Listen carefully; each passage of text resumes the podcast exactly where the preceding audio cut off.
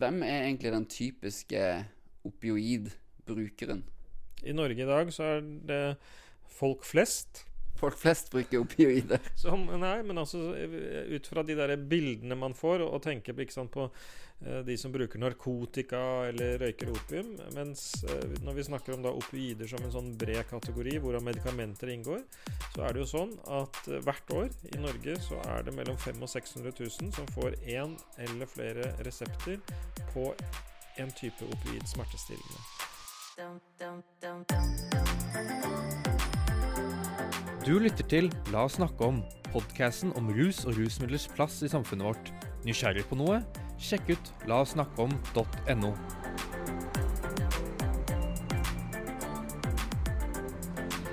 Hei og velkommen til en ny episode av La oss snakke om. Mitt navn er Bjørn, og hvis du pleier å høre på denne podkasten, så har du sikkert hørt meg snakke med forskere om mange stoffer som du aldri har prøvd, og aldri kommer til å prøve. GHB, MDMA, kokain osv. osv. Men i dag tenkte jeg å finne ut mer om ei gruppe stoff som du kanskje har prøvd. Og hvis du ikke har prøvd det, så er det en god sjanse for at du kommer til å prøve det på et eller annet tidspunkt. Faktisk så er det tusenvis, kanskje hundretusenvis av nordmenn som bruker disse stoffene hele tida. Og når jeg sier det, så skjønner du kanskje også at dette er stoffer som ikke nødvendigvis er ulovlige.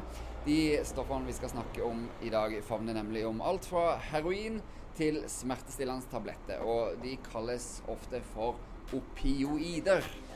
Eh, akkurat nå så er jeg på vei opp til Ullevål sykehus. Der skal jeg møte Thomas Clausen. Han er lege, han er professor ved Universitetet i Oslo, og han er leder for Senter for rusavhengighetsforskning. Og han skal gi meg en liten innføring i opioider. Ok, Thomas Clausen. Kan du fortelle meg hva opioider er for noe? Fordi at nå i eh, mailkontakten vi hadde her før før intervjuet, så fikk jeg litt kritikk for at jeg brukte ordet feil. Jeg sa opiater og opioder. Jeg vet ikke, jeg sa mye rart. Ja, opioider det er en samlebetegnelse eh, for eh, morfinlignende stoffer. Eh, og eh, alle disse stoffene de virker på en opioidreseptor som vi har i hjernen, f.eks. Eh, så eh, opioider er, kan enten være eh, fremstilt fra opiums valmuer, eller de kan være fremstilt syntetisk i, med å blande kjemikalier i en f.eks. medisinfabrikk. Da snakker vi da om en gruppe stoffer, sånn i motsetning til f.eks. Altså, sånn cannabisstoffer og, og den type ting? Ja, så det er en annen, annen, gruppe, en annen type middel og stoffer enn cannabis eller amfetaminer. Så opioider er en gruppe stoff eh, som har noen bestemte typer virkninger. Ja, hva skjer med kroppen hvis man bruker opioid, opioider? Opioider er av, som stoffkategori det vi kaller et sentraldempende stoff. Eh, og det demper altså eh, effekter sånn som f.eks. smerter. Så det, sånt det er jo brukt mye i smertestillende sammenhenger. Eh, og Eh, de vil dempe ak ulik aktivitet i hjernen. Eh, også eh, andre områder enn bare dette som går på smerte. F.eks. så eh, regulerer opioider også eh, hvordan vi mennesker puster, og hvor ofte vi puster. Eh, sånn at når vi har en overdose med heroin, som er et opioid, så handler det om at stoffet har dempet pustefrekvensen og pusteområdet i hjernen eh, på en sånn måte at man kan slutte å puste få pustestans. Så, sånn at det er en stoffgruppe som demper aktivitet innenfor bestemte områder, og i motsats til den andre hovedgruppen av rusmidler, som altså er sentralstimulerende, som amfetamin f.eks. er, som vil gi en slags motsatt type effekt av eh, opioidene. Og du, du, sa jo dette her med at man kunne bruke det i medisin, f.eks. Du, du er jo lege selv. Uh, da, da, er ikke dette bare et rusmiddel, på en måte. Det er lett å tenke rusmiddel, men det, det brukes mye annet. Ja, opioider er um, veldig mye brukt og viktig medisin i helsevesenet, og, altså som smertestillende. Og dersom man havner i en alvorlig ulykke f.eks. og må um, ha smertestillende behandling, så er det jo legemiddelopioider som f.eks. morfin Eh, men også andre, noe som heter tramadol eller oksykodon. Også kodein, som fins i Paragin forte, som kanskje er det flest har eh, prøvd når det gjelder eh, medikamentene som inneholder opioider. Men hva er det som gjør at dette stoffet, eller disse stoffene plutselig går for, fra å være medisin til å bli rusmiddel? Ja, altså De går ikke plutselig fra å være det, men de har disse egenskapene. At det både demper smerter, men det gir også uh, en opplevelse av velvære og rus. Um, sånn at det er um, stoffer, da, opioidene, som har flere ulike effekter, hvorav smertelindring er en av de. Og det å kunne gi rus, opplevelsen av velvære, er en annen eh, effekt av opioider. Sånn at de har begge disse egenskapene. Men vil det si at eh, hvis jeg f.eks. hadde brukket beinet, og så hadde jeg tatt uh, noen av disse stoffene, da hadde jeg bare følt meg liksom bra igjen, eller hadde ikke kjent smerten. Men hvis jeg nå, helt frisk, hadde tatt de samme stoffene, da hadde jeg blitt rusa? Er det sånn det funker? Litt sånn er det. Eh, det har klassisk vært sagt at dersom man har mye smerte, så vil man ikke få noe særlig rusopplevelse av å ta opioider. Eh, mens hvis man ikke er smertepåvirket, så vil den opplevelsen og erfaringen man sitter igjen med, være mer da dominert av ruseffekten. Nå er det ikke så adskilt. Vi ser ikke på det så adskilt, så man kan godt oppleve si, både smertedemping og ruseffekt. Eh, men hvis smerten er veldig fremtredende, så er det kanskje den smertedempende effekten man eh, kjenner mest på. Eh, og så vil opioidene både gi en sånn direkte såkalt reseptoreffekt på å stoppe smertesignalene, men det vil også endre opplevelsen av smerte, sånn at man kan føle at man kan leve mer med smertene. At man kan senke skuldrene og slappe av, f.eks. hvis man har brukket beinet, selv om smertene ikke blir helt borte når man tar opp videre. Ja, for det, det demper jo bare symptomene, ikke sant? Ja, altså det, det fjerner jo ikke årsaken til smertene, f.eks., men det fjerner opplevelsen av smerte som man har. Nå snakker vi om opioider som veldig mye forskjellig. Og altså, prøver jeg liksom å se for meg hvordan ser dette ut? Hva slags stoff Er det, er det litt sånn tabletter, siden det er medisin, eller hva slags former fins det? Ja, altså Hvis vi skiller mellom de um, lovlige formene og medisinene, så fins de i forskjellige former. Det er, som du er inne på, både tabletter uh, som man tar. Det finnes som uh, injeksjonsvæske, altså som man kan sette i sprøyte. Uh, enten rett i en blodåre eller under huden, f.eks. Og så finnes det som plaster, altså at man kan ha et såkalt smerteplaster. Ja, for det, det, husker jeg tok sprøyte en eller annen gang, og så fikk jeg et plaster på apoteket som jeg skulle liksom ha på en stund før jeg tok sprøyta for å ikke kjenne noe. Er det, er det liksom sånn? Det kan ha vært et sånt uh, plaster, men det hadde antagelig ikke opioider i seg, men et annet uh, smertestillende som er mer korttidsvirkende og lokaltvirkende. Uh, som Altså, det virkestoffet het antagelig xylokain, altså et annet smertestillende middel. Mens opioidplaster brukes gjerne i kreftbehandling hvor man skal ha smertestilling over lang tid. Altså det virker i mange dager istedenfor en tablett som typisk virker noen timer.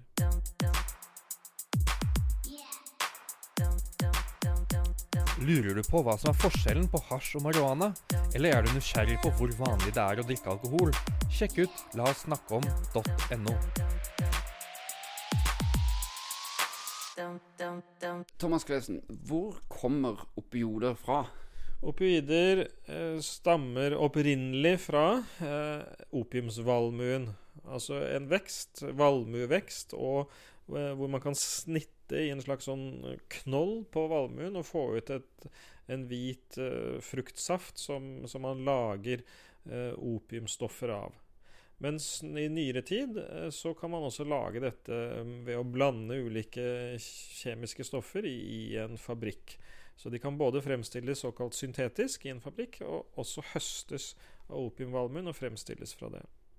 Ja, for opiumsvalmuen, når du sier det, da får jeg sånne assosiasjoner til sånne gamle røykebuler, sånn som jeg har sett på film. Som folk som satt og røyka opium. Ja. Så, så um, opioidene, opioidstoffene, er opprinnelig sett stammer nettopp fra opium.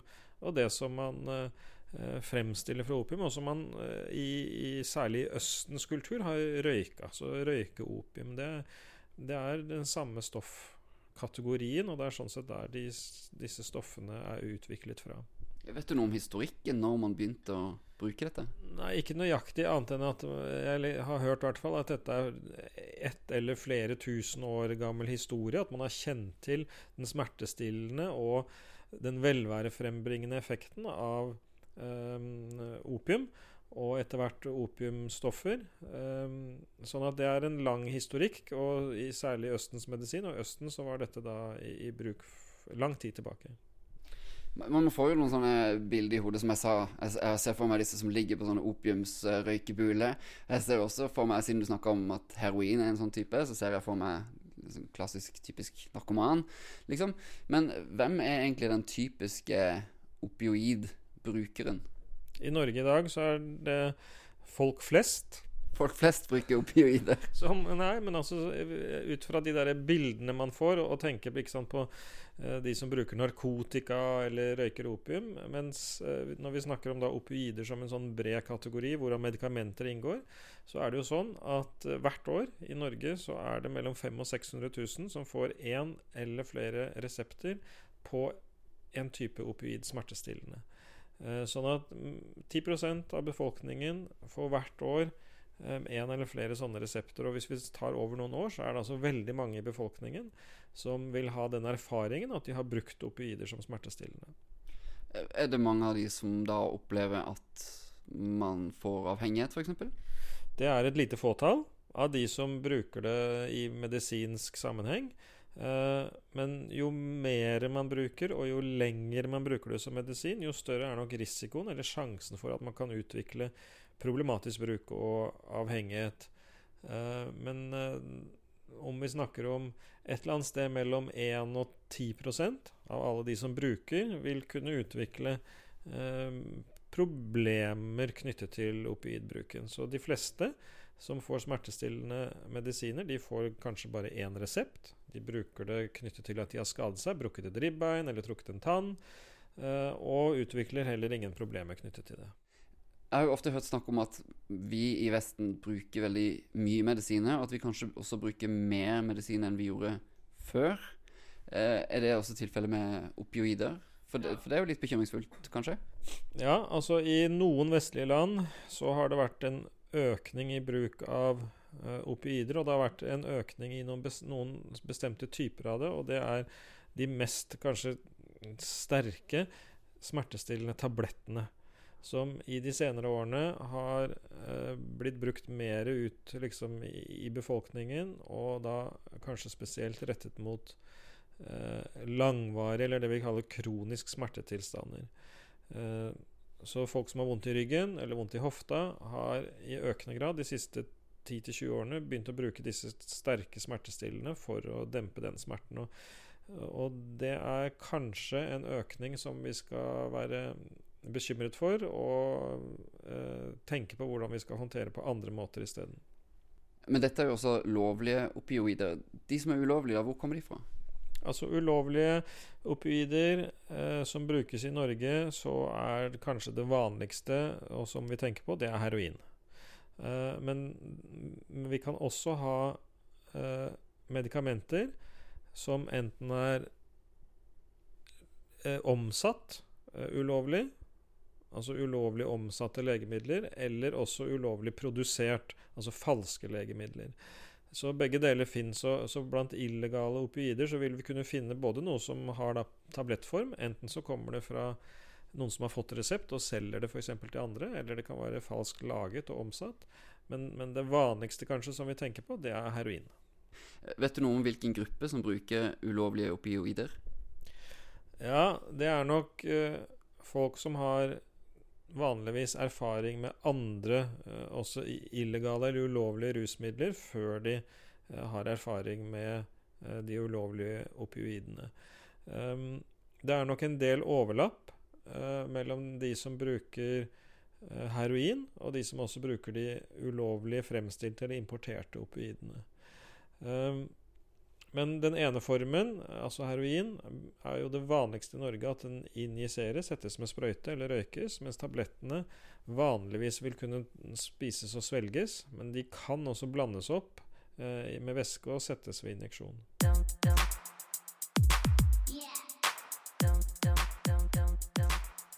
Du har garantert hørt snakk om heroin, men vet du egentlig hva det er? Sjekk ut lasnakkeom.no.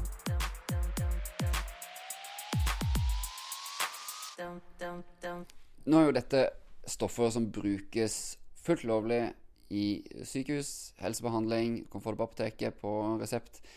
Men er det også farlig stoff? Ja, legemidler og illegale rusmidler de kan øh, være farlige øh, hvis de brukes på øh, ikke-medisinsk vis. Uh, alle opioider kan føre til utvikling av avhengighet, rusmiddelavhengighet, hvis man bruker det over tid. Uh, alle opioider kan føre til overdose, altså pustestans. Uh, heldigvis, i de fleste tilfeller, og når man bruker det som forskrevet fra legen, så gir det ikke disse negative konsekvensene. Og de er viktige medisiner som skal og, og kan brukes helt lovlig i helsevesenet. Men du, du sa noe med overdose og, og pustestans, bl.a. Hvordan utarter en sånn overdose seg på opioider? Ja, altså opioider har den effekten at de påvirker pustefrekvensen og kan gi pustestans. Og det er jo vanligvis knyttet sammen med høy dose. Altså hvis man tar mye av enten medisinen eller stoffet, så øker risikoen for pustestans. Og den øker også hvis man kombinerer det med andre stoffer som også virker inn på pusten, f.eks. sovemedisiner og eller alkohol. Så andre medisiner eller stoffer som virker inn eh, sammen med opioider. Så, så, vi vet det, at vi har eh, for mange overdoser i Norge i året, og i åtte av ti av de så er ett opioid og eller andre rusmidler del av det som ble en eh, overdosesituasjon. Er, det også vanlig at man blander f.eks. opioider som da er dempende, med andre stoffer som er oppkvikkende, f.eks.? Ja, det fins også. Det er kanskje vanligere med å blande flere dempende stoffer sammen, f.eks. sovemedisin og opioider. Eh, men det går også an, og det er, det er, ikke helt uvanlig, at man blander eh, stoffer som amfetamin og heroin, altså som er både en demper og en eh, stimulerende effekt. Eh, enten så kan man ta det med litt tidsforskyvning, at man tar det ene først og det andre etterpå, men også noen tar det nokså samtidig.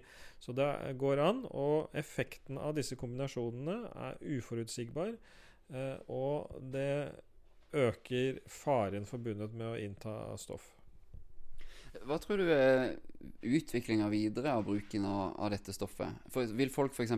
bli immune mot smertestillende fordi man bruker såpass mye av det? Ja, altså dette er eh, Disse medisinene vil ikke man i befolkningen utvikle en, slags immunitet, sånn som man har eh, ved antibiotika. Men eh, det er legemidler som Hvis man tilbyr det på en måte til befolkningen i økende grad, så har de disse egenskapene hvor de også gir velvære og er noe som er attraktivt, og noe som folk liker å bruke og kanskje vil gjenta igjen. Så det er en risiko for at en økende andel av befolkningen da også vil utvikle avhengighetstilstander og få problemer knyttet til bruken. Og det har vi sett i USA. har det gjort eh, Gjennom 20 år har de tilbudt veldig mye mer liberalt opioider gjennom smertestillende medisiner enn det vi har gjort i noe annet land. Og de har jo nå også en kjempesvær problematikk med mange som har blitt avhengig, og mange som dør av overdose. Så fra et folkehelseperspektiv så ønsker vi nok å holde opioidbruken på et riktig nivå, og ikke for høyt. Men heller ikke for lite. Altså I noen land i verden så er det at smertebehandling og smerte i for liten grad behandles med gode smertestillende som opioider er. Så det er å finne den riktige balansen. Og i Norge er vi kanskje ikke så langt unna i dag, men det betyr at vi heller ikke skal øke den bruken for mye i fremtiden.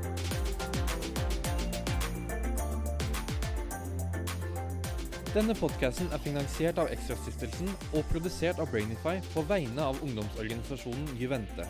Vil du vite mer om vårt arbeid for å skape en verden basert på menneskeverd og solidaritet, der rusmidler ikke skaper problemer, besøk oss på juvente.no.